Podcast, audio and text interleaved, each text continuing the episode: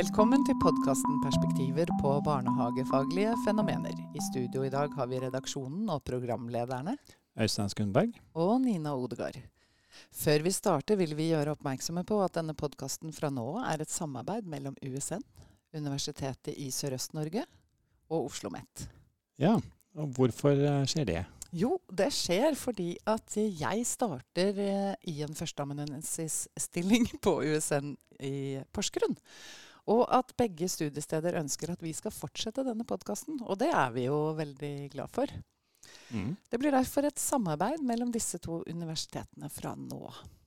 Og I dag så har vi besøk av eh, Katrine Giæver, som er førsteamanuensis eh, på Oslo OsloMet i barnehagepedagogikk og har bakgrunn fra NAFO, Forskningsinstituttet, og fra departementsarbeid og fra barnehage. Og eh, Katrine Gjæver har også skrevet en bok om flerspråklighet i barnehager, og jobbet med det temaet veldig lenge. Velkommen. Takk for det. Eh, du eh, disputerte til doktorgraden i 2020. Eh, og både i den avhandlingen som du disputerte på, og i tidligere utgivelser og ting du har skrevet og ting du har jobbet med, så er, har du fokusert på det med flerspråklighet og språkmiljø i barnehager. Og hvorfor har akkurat det temaet vært interessant for deg? Det er jo mye min bakgrunn fra flerkulturelle barnehager. At jeg begynte å jobbe da jeg var nyutdannet, så var det sånn ganske tilfeldig egentlig at jeg havnet i en flerkulturell barnehage. Uh, og så syntes jeg hadde for lite kunnskap om det det var lite kunnskap på feltet om det. Jeg husker veldig godt Astrid Mjelve, som var en sånn, hun jobbet på Stovner. Hun var den som kunne noe om flerspråklighet. Og, og, og, jeg tror at hun var en viktig inspirator. Og så eh, har jeg Altså, jeg er jo pedagog, og så har jeg vært opptatt av at, at språkarbeidet skal være en del av pedagogikken. Og ikke så veldig mye er skrevet om det, så da måtte jeg gjøre det sjøl. Mm. Eh, Tittelen på den avhandlingen du har skrevet, eh, er 'Dialogene som virka i den flerkulturelle barnehagen'. En etnografisk studie av barnehagenes pedagogiske praksis. Og Der stilte du et, et, et hovedforskningsspørsmål, som var hvordan legges det i flerkulturelle barnehager til rette for barns deltakelse i dialoger? Og Der er det jo flere begreper som er sånn viktig å fylle med innhold. da. Og, og For å ta til kanskje det viktigste, det med flerkulturelle barnehager. Eh, hva, hva, vil det si? Ja, Det er veldig vanskelig å svare på, for det, er så ulike meninger om det, og det endrer seg hele tiden. Men jeg ser jo på det en, en flerkulturell barnehage er en barnehage hvor det snakkes ulike språk. Eller hvor det er mulighet for å snakke ulike språk. Det er jo ikke alle barnehager som legger til rette for det, men, men uh, hvor, hvor, barna har forskjellige morsmål og, og forskjellig kulturbakgrunn i den forstand at de har ulik oppfatning av verden, hvordan verden skal se ut, og hva som er viktige verdier. Og jeg har jo brukt i avhandlingen da fant jeg det begrepet hypermangfold, eller oversatt fra superdiversity som, som, eh, tar inn veldig mye forskjellig. Altså, en som heter Vertovik, som har skrevet kanskje den første artikkelen om dette her, tror jeg, som, som skriver, beskriver det som kultur i mange lag og, og stadig i endring. Det handler om økonomisk bakgrunn, det handler om språklig bakgrunn, kulturbakgrunn. Eh, altså veldig mye forskjellig. Og, eh, og at eh, den kulturen du har, den endrer seg fra en situasjon til en annen hele tiden. Så det er ikke noe statisk. Mm. Så eh, kan man nesten si at flerspråklighet er et smalere begrep enn flerkulturell? da? Altså, ja. ja. Og det er lettere å definere flerspråklighet. Det er det. Fordi det handler vel om å, å, at man kan flere språk. I en av artiklene dine, så den har tittelen 'Tilgang til fellesskap i den flerkulturelle barnehagen'. Og da henviser du til en uh, russisk uh, språkfilosof, blant annet, som heter Mikhail Bakhtin. Mm. Og så ifølge ham altså, så skriver du at en kommunikasjonssfære det er en kontekst hvor man samhandler. Nesten uansett om man snakker sammen eller ikke. Og eh, talesjanger er liksom måten som kommunikasjonen skjer på. Eh, men, men, du har da gjort observasjoner i barnehager av kommunikasjonssfærer og, og, måter å samhandle på. Eh, hva var det som var typisk for de sfærene, eller hva var det du på så? Ja, altså, det jeg så jeg, jeg laget meg jo noen sånne Jeg, jeg, jeg brukte eh, Bakhtins eh, definisjon av kommunikasjonssfære, som handler om kommunikasjonsfellesskap. Det er ikke bare det å kunne ord og setninger på majoritetsspråket har betydning, men, men også det å posisjonere seg og forstå hva er det felles temaet her. Kommunisere inn mot et felles grunnlag.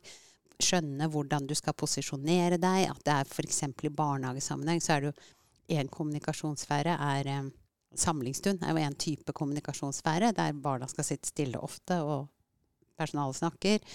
Mens lek er en helt annen form for kommunikasjonssfære, hvor du hele tiden må posisjonere deg inn mot dette felles grunnlaget for å kunne delta. Og, og, og, det jeg så, var at det var veldig mange barn, selv om de ikke snakket flytende norsk, så hadde de veldig gode eh, ferdigheter, eller hva skal jeg si, altså veldig god kompetanse på eh, å delta i en kommunikasjonssfære. Veldig god teft på å, å, å rette seg inn etter den sjangeren, da. Det ble forståelig at samlingsstund er en type sjanger. Garderoben er en sjanger. Eh, frilek er en sjanger. Ja. Så jeg, jeg, klarte å identifisere fire forskjellige kommunikasjonssfærer. Hvor den ene har jeg kalt for en dialogisk. Det er med utgangspunkt i Bakhtins teorier. Dialogisk kommunikasjonssfære, der er det barna som, som, som kommer med et eller annet Setter tema, og så retter personalet seg inn mot barna. Og, og det kan være verbalspråklig, og det kan være kroppsspråklig. Men, men altså, initiativet kommer fra barna. Eh, og så følger dialogen naturlig på der. Så, så det er en type dialogisk kommunikasjonssfære.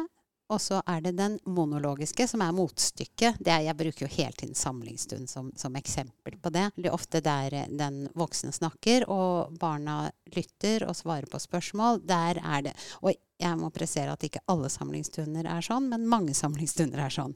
At det er bare ett svar. Mm. Det er ikke mulig å drodle eller tenke eller resonnere. Altså, det er ett svar på et riktig og et eh, galt svar. Hvilken dag er det i dag, liksom? Ikke sant. Ja. Du kan ikke liksom fabulere Nemlig. Veldig godt eksempel. Ja. Um, jeg tenker også at det er en nødvendig kommunikasjonssfære. Den, den blir jo brukt f.eks. til å lære regler i et spill, eller det er jo greit å lære seg ukedagene. Og så har du den myndige kommunikasjonssfæren, som er et Det er typisk sånn der når de jobber med fagområdene, da. Naturfag og musikk og sånn, så, så, så, setter personalet i gang noe, og så får barna lov til å påvirke og sette sitt unike preg på det. Og så er den fjerde kommunikasjonssfæren, det er den polyfoniske, og den syns jeg er kjempespennende. Det er når du observerer hvordan barna seg imellom bruker det de har lært i barnehagen. Og polyfoni, det betyr flerstemmighet, gjør det ikke? Ja. ja. Mm. Og det er gjerne sånn, i, i, musikkteorien er det sånn at en melodi starter, og så kobler liksom de andre seg på. Og så kan du si, som jeg som også synger i kor, mm. eh, vet at det er, det, det er, kanskje førstestemmen, som, sopranstemmen, som høres best, men det hadde jo ikke blitt så fint uten alten og tenoren og bassen. Alle stemmer er jo viktige. Like viktige, vil jeg si. Hvilke bestemte antatt felles referanser, symboler eller underforstått kunnskap er det som kan virke ekskluderende på en barnehageavdeling? Ja, Det skriver jeg om i den artikkelen som, som, Øystein nevnte, den med tilgang til fellesskap i den flerkulturelle barnehagen. at det, barnehagen også, det jeg fant, er at de, er, de framstår som kulturelle rom. Det er min biveileder Helle Bundgaard har forsket en del på det. At uh, uten å tenke over det, så er det en sånn dominerende norskhet i barnehagen. Vi har også ved Oslo Met vil jeg nevne Cecilie Thun, som har mm. forsket på det mm. samme. Og det jeg fant, var at og disse kulturelle rommene det var veldig ubevisst. Og det var ikke så lett verken for personalet eller meg som forsker å se hva de kunne bestå i, hva de kunne være preget av. For eksempel, i den artikkelen så skriver jeg om eh, godnattsanger, som plutselig oppstår som en sånn Altså det er tre jenter, tre veldig gode venninner som leker sammen. To av dem har majoritetsnorsk bakgrunn, tredje har bakgrunn fra Eritrea. Og alle snakker flytende norsk, og de har en kjempefin lek, og så oppstår plutselig det med godnattsanger. Og da viser det seg at hun, jenta fra Eritrea, hun, hun forstår ikke helt hvilket innhold de andre legger i det begrepet. Og det er jo ikke sånn at de sier 'da får ikke du lov å være med på leken', men hun eh, trekker seg ut. Men du sier dette med kulturelle rom. Men for at eh, våre lyttere skal forstå litt mer hva et kulturelt rom er, kunne du sagt noe om det før vi går videre? Et kulturelt rom kan være sånn som ideen om at det er bra å være ute om vinteren. Det bruker jeg veldig ofte når Ja, jeg skal forklare det. At, Ja. det, at det er, og det er sunt altså, at vi i Norge lar de små babyene sove ute når det er kuldegrader. Så er det, det er en form for kulturelt rom.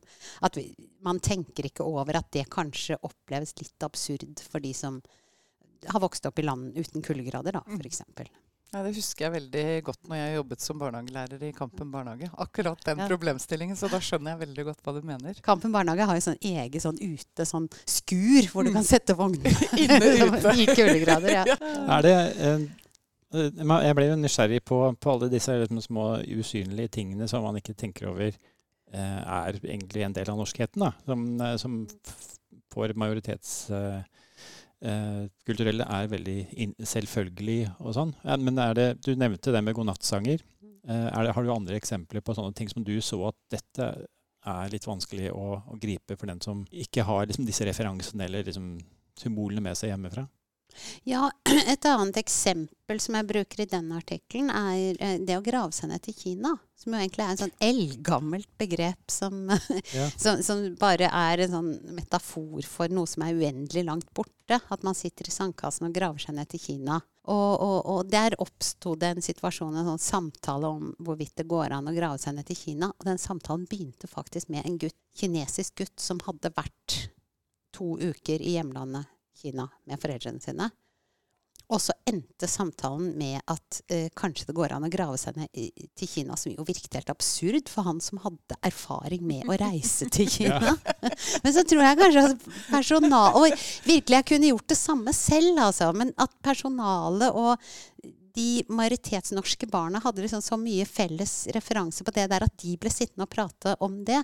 Mens de barna som har reist til den andre siden av jordkloden, de ble liksom litt ekskludert fra akkurat den samtalen. da. Ja, for du, du skriver i den artikkelen at da meldte han seg litt ut. Ja, han For- gjorde det. For, han, eh, for det her var egentlig, altså det å Kina er på en måte en metafor som Mm. forutsetter at man har liksom gjort det tankeeksperimentet at verden er, jorda er rund, og hvor vi ville havna hvis vi hadde gravd oss Ja. ned. Men det, det er jo som, som du sier, det er jo en, en del av sånn, en slags barnekultur med vitser og, og uttrykk og sånn, Mm. Som, eh, som krever at man, man vet at det handler ikke egentlig om å grave seg gjennom jorda, men det er liksom bare et slags bilde på Ja. at noe er langt unna. ja. Og, og, ja, og han, han, han, han sa jo også at han hadde tatt mange fly, hadde ikke det? Jo, jeg har tatt mange fly til Kina, han. Og jeg satt og tenkte da, sier han Fordi han For det første hadde han jo vært borte fra norsk ganske lenge, og så var han jo Eller i hvert fall to uker. Og så var han jo i ferd med å, å, å lære seg norsk. Så jeg tenkte kanskje han sier kanskje, Jeg vet ikke om han sier at han har mellomlandet flere ganger, eller at han sier at reisen har vært veldig lang. Men han, han brukte Han grep liksom det begrepet han kunne. Og det var liksom, Mange er jo Vi forstår jo hva han sier.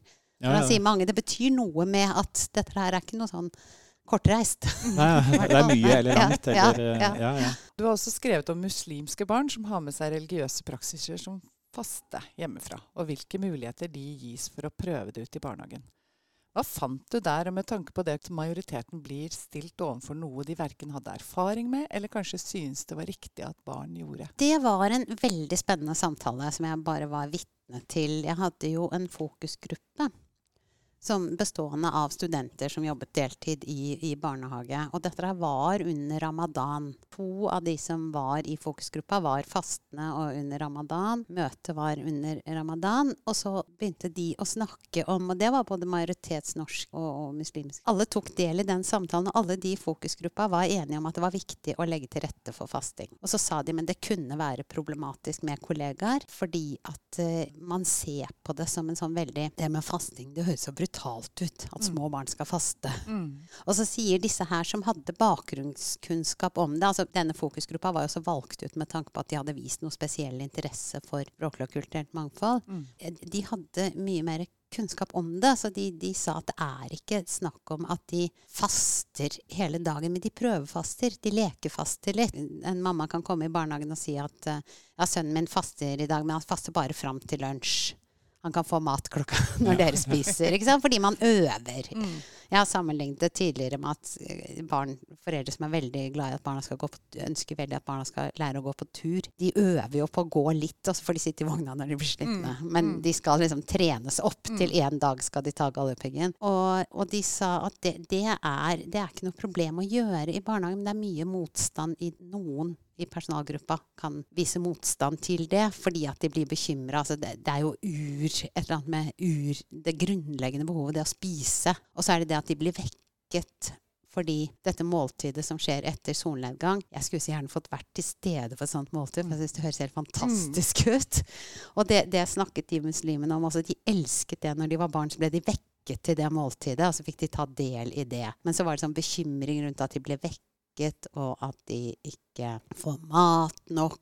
Og, altså fordi man ser på det som barns grunnleggende behov. At det var veldig krasj der. Mens disse her snakket om at det er jo egentlig bare å hvis vi, hvis, vi liksom, hvis vi lar et, ungene få vente et kvarter før de spiser, så har de en opplevelse. Mm. Et kvarter Ja, etter de andre, så har de en opplevelse av at de har vært flinke og fastet. Ja. Mm. Og, og det å prøve å gi rom for å høre på uh, hva de forteller om dette måltidet som skjer etter solnedgang, så gir man liksom litt mer plass for det i barnehagen. Og de mente at det er ikke så vanskelig å få til. Men jeg kan jo si er litt sånn kulturelt rom, det med at man spiser på bestemte tider, man sover da og legger ritualer og sånn. Det er også litt sånn kulturelle rom, da, tenker jeg.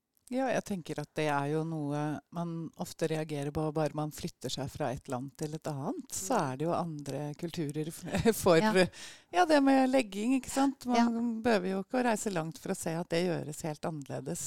Vi har liksom én måte å gjøre det på her, Ja. som vi Ja. tenker er den eneste riktige. Men det fins jo mange Ja. andre måter å gjøre det på. Det var på studiebesøk i barnehage i Barcelona, så var det, det var så få ansatte. Var, var bare én ansatt på noen, eh, ti småbarn eller noe sånt. At de barna gikk og la seg selv når de var trøtte. De hadde ikke dette lange ritualet som vi har i Norge i norske barnehager. Som vi har mulighet til fordi vi har heldigvis mange. Og i Reggio. Emilia-barnehager så, så hviler jo alle barn, eh, ikke sant? Hver, og, og en del eh, altså Nå tenker jeg på de som er i Reggio Emilia. Og noen barnehager i Norge har jo valgt da, som er inspirert av Reggio Emilia, å ha denne hvilestunden også for de eldre barna, og har veldig god erfaring med det. Men møtte litt motstand kanskje Ja. i starten fordi at foreldre er redd for at det blir veldig sent om kvelden. og sånt. Mm, Men ja. den derre å roe helt ned og få liksom tid til hvile midt på dagen kan være kjempeviktig. Ja. Så, mm. Noen barnehager har jo yoga. Ja, for jeg. eksempel. Min, min nevø som gikk i amerikansk barnehage, han hadde yoga. Ja, ikke sant. en sånne omsorgsting. Eller, det- ikke sant? Det er jo mye i barnehagen som er måte, et slags speilbilde av oppfatningen vår av, av at eh, et godt hjem med, med riktig omsorg, og det å, liksom, å spise og sove på, be, på bestemte tidspunkt, det er liksom en del av den koden Ja. for eh, god omsorg. Så, så da, hvis man skal kompromisse med det, så, så kan det hende det skurrer for noen. Ja, Ja, ikke sant. Ja. Eh, du, vi nevnte Bakhtin, at, som du har liksom skrevet mye om og brukt mye. Men det er også en annen eh, teoretiker som du er veldig glad i, vet Ja. jeg. Og det er Hanne Arendt, tysk eh, filosof. Mm. eh, det er jo mye jeg vil spørre om med, med tanke på Hanne Arendt, men det var én ting jeg bare bet meg merke i en av artiklene dine, hvor du skrev om det der med, med sånn mangfoldig syn på verden, og at eh, eh, hvis man ser verden fra flere ståsteder, så blir den tydeligere. Og på, på den ene side så høres jo det rimelig ut, men på den annen side så må jo det øke liksom, kompleksiteten, og at eh, verden blir mer vanskelig Ja. når man skal liksom, ta inn over seg alle, eller flere måter å se på samme fenomen på. Ja, altså det er jo eh, Hvis man ser verden bare fra én synsvinkel, eller det Bakhtin ville kalt et monologisk Mm. syn på verden, så, så blir det jo endimensjonalt.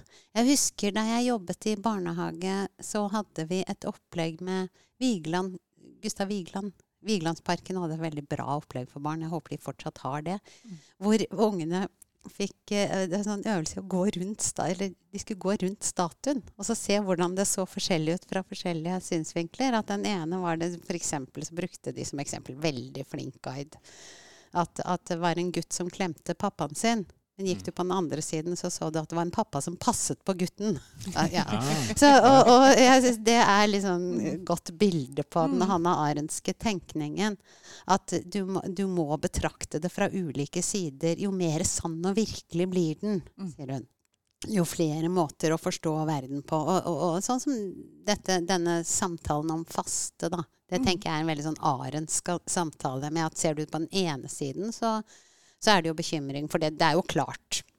Barna må jo ha mat, og de må jo sove. Og det er jo grunnleggende behov. Ser du fra den andre siden, så er det også dette behovet for å få ta del i de voksnes verden og være med på dette eh, kveldsmåltidet, og det er behov for å bli oppdratt inn i en kultur og kunne mestre og ja. Så det er litt Du ser jo fasten på ulik måte, litt avhengig av hvilken synsvinkel du betrakter den fra, da. Det er jo ulike perspektiver det vi snakker om her, egentlig. Hvis Ja, vi tenker på Ja, selve er jo podkasten ja, vår. ja. Altså, Ja. som hadde et utgangspunkt i at uh, vi kanskje var litt redd for at man liksom tenkte at uh, lek bare var én ting. ikke Ja, sant? Når ja. vi gikk ut til ett fenomen. da. ja. Mm. Og så begynner vi å undersøke det, Ja. og så ser vi at det er jo så mange ulike måter å se det på. Så det, er jo, Ja. det er jo handler jo om, som du sier, å se det fra ulike vinkler. Og det vil jeg gjerne berømme de tre barnehagene jeg var i. For hvor utrolig flinke de var til å se ting fra ulike sider. Hele tiden. Og, og jeg tenker at de Det var jo litt sånn de jobbet med språk også. Altså å prøve å finne OK, vi prøver med OK, eh, nå skjønner jeg at du får ikke forklart det på norsk. Da prøver vi prøver med et bilde. Mobiltelefoner brukte Lete fram. kan, vi, kan, vi finne ut, kan vi finne et bilde for dette her? Eh, Kan du vise med kroppsspråk? Kan du peke? Utrolig flinke til å tolke kroppsspråk og, og, og sånn. Allikevel så løftet de liksom ikke det som Jeg syns de skulle skrytt så mye mer av seg selv. Sånn jobber vi med språk. Mm. Uh, og, og det var jo også en sånn, sånn arensk måte å se språk på, da, tenker jeg. Men har de nok arenaer? Kommer de nok fram? For jeg, de, jeg syns jo det er kjempespennende det du forteller om nå, så vi burde jo vite mer. Ja, ja absolutt. Mm. Absolutt. De var jo studenter, disse her eh, Altså i barnehagen, denne fokusgruppa besto av studenter. Mm. Og så eh, jobbet var jeg i barnehagen der tre av dem jobbet. Så, men, men ja, ja, det er studentoppgaver. Nei, hvilke arenaer har de? Det er Mm. helt sant. De er skriver jo oppgaver, men hvem når det ut til? Ja. Mm. Hvem når det ut til? Ja? Det, det, jeg syns det er litt interessant, fordi at jeg tenker at dette er en kunnskap men, som du bidrar med, da. Men som vi trenger alle sammen Mm, for å gjøre en god jobb, både her på universitetet, men også mm. når vi skal ut i barnehagen. Ik- Ikke minst i praksis, ja. Mm. Jeg, jeg syns det var egentlig veldig god siste replikk.